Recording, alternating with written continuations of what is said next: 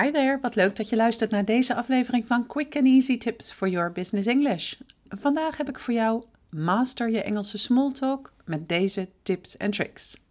Mijn naam is Anneke Drijver van Improve Your Business English en de auteur van het boek Master Your Business English: Communicate with Power in 7 Simple Steps. Ik help jou als ondernemer of doelgerichte professional van je middelbare school Engels af, zodat je ook internationaal met impact en vol zelfvertrouwen in het Engels kunt communiceren, maar bovenal volledig jezelf kunt zijn.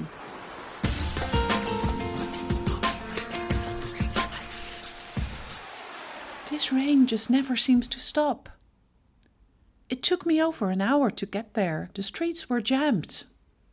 Last day before the weekend. Are you going to do something fun? Kun je raden wat deze zinnen met elkaar te maken hebben?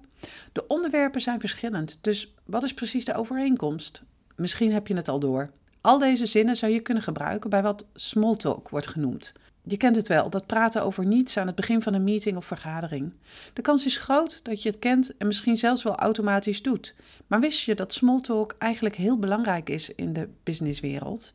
In deze podcast vertel ik je waarom en geef ik je een groot aantal tips die je kunnen helpen bij het verbeteren van je smalltalk skills. Ook leg ik uit hoe je smalltalk precies gebruikt en wat je juist wel of beter niet kunt doen. Als eerste, waarom is smalltalk belangrijk? Smalltalk is een belangrijk concept in de Engelse zakenwereld. Het zorgt er namelijk voor dat je een connectie opbouwt met je zakenrelatie of Engelstalige collega. Bovendien zorgt een gezellig smalltalk-gesprek voor een ontspannen werksfeer, wat enorm gunstig kan zijn voor een belangrijke vergadering waarin verschillende partijen samenkomen. Daarnaast wordt smalltalk in sommige landen zelfs gezien als een formaliteit. Klets je niet eerst wat met je collega's, dan kun je als afstandelijk of zelfs arrogant overkomen. Daarom is het belangrijk om op niveau een smalltalk-gesprek te kunnen voeren. Dat je dit ook smooth in het Engels kan, is essentieel, want je wil natuurlijk open en professioneel overkomen tijdens een eerste ontmoeting met een internationale collega of Engelstalige zakenrelatie. Nu je weet dat smalltalk belangrijk is, vraag je je natuurlijk af hoe je het precies gebruikt. Ten eerste gebruik je smalltalk als je met een collega, partner of cliënt bent en samen wacht tot iemand anders arriveert of iets gaat beginnen, zoals een vergadering, presentatie of overleg. Ten tweede kun je smalltalk gebruiken in situaties waarin je graag wil netwerken en een excuus nodig hebt om het gesprek met iemand te starten. Het algemene doel is een bepaalde connectie starten of versterken. Dit houdt niet in dat je goede vrienden hoeft te worden met degene waarmee je aan het smalltalken bent. Het gaat er voornamelijk om dat je als een sympathiek en betrouwbaar persoon overkomt.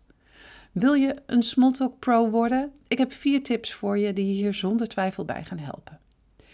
Tip 1 heeft alles te maken met die connectie waar ik het net over had. Een connectie maken of versterken is namelijk misschien wel het belangrijkste doel van Smalltalk. Dit kun je op verschillende manieren doen.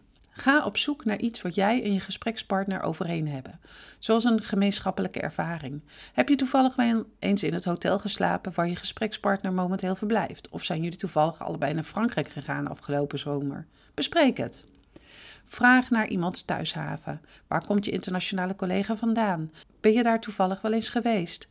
Heb je wel eens iets gehoord over de stad waarin hij of zij woont? Of heb je een vraag over de omgeving? Hebben jullie dezelfde hobby's of interesses? Dat zijn namelijk perfecte smalltalk onderwerpen. Een gemeenschappelijke hobby is perfect onderwerp om die connectie te versterken. De tweede tip die ik je meegeef gaat over je betrokkenheid in het gesprek. Het is namelijk belangrijk om interesse te tonen in het gesprek wat je aan het voeren bent. Dit is naast Smalltalk ook zo in vergaderingen of andere meetings. Als je niet geïnteresseerd bent of geen interesse toont, kun je dat ook niet van je gesprekspartner verwachten. Zorg er bijvoorbeeld voor dat jij niet de enige bent die praat, maar stel ook vragen en luister actief. Of ga op zoek naar kleine details die het gesprek gaande kunnen houden. Heeft iemand bijvoorbeeld een button of naamplaatje waaraan je kan zien waar hij of zij vandaan komt? De derde tip heeft te maken met de onderwerpen van Smalltalk. Sommige onderwerpen zijn namelijk heel geschikt, maar andere onderwerpen zijn juist uitermate ongeschikt. De algemene regel hierin is dat je gespreksonderwerpen die iemand kunnen kwetsen, moet vermijden. Ga het dus niet hebben over politiek, religie, normen en waarden, iemands uiterlijk, een privé-kwestie of al het andere waar iemand een heftige mening over kan hebben. Het laatste wat je natuurlijk wil is een potentiële relatie of klant kwetsen.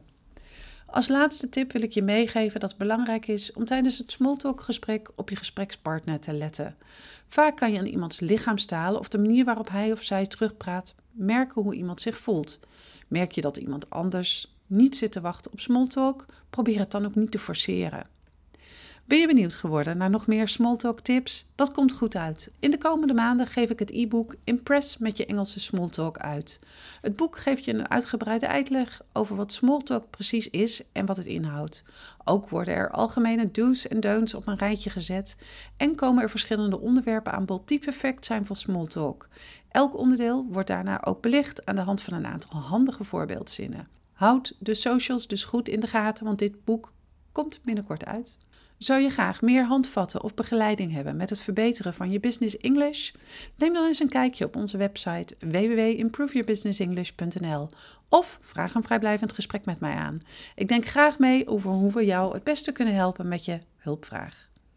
Als je deze aflevering hebt geluisterd, zou ik het enorm op prijs stellen als je een review voor ons zou willen schrijven op SoundCloud of iTunes. Dit helpt anderen weer om onze podcast te kunnen vinden en daarmee hun Engels te verbeteren.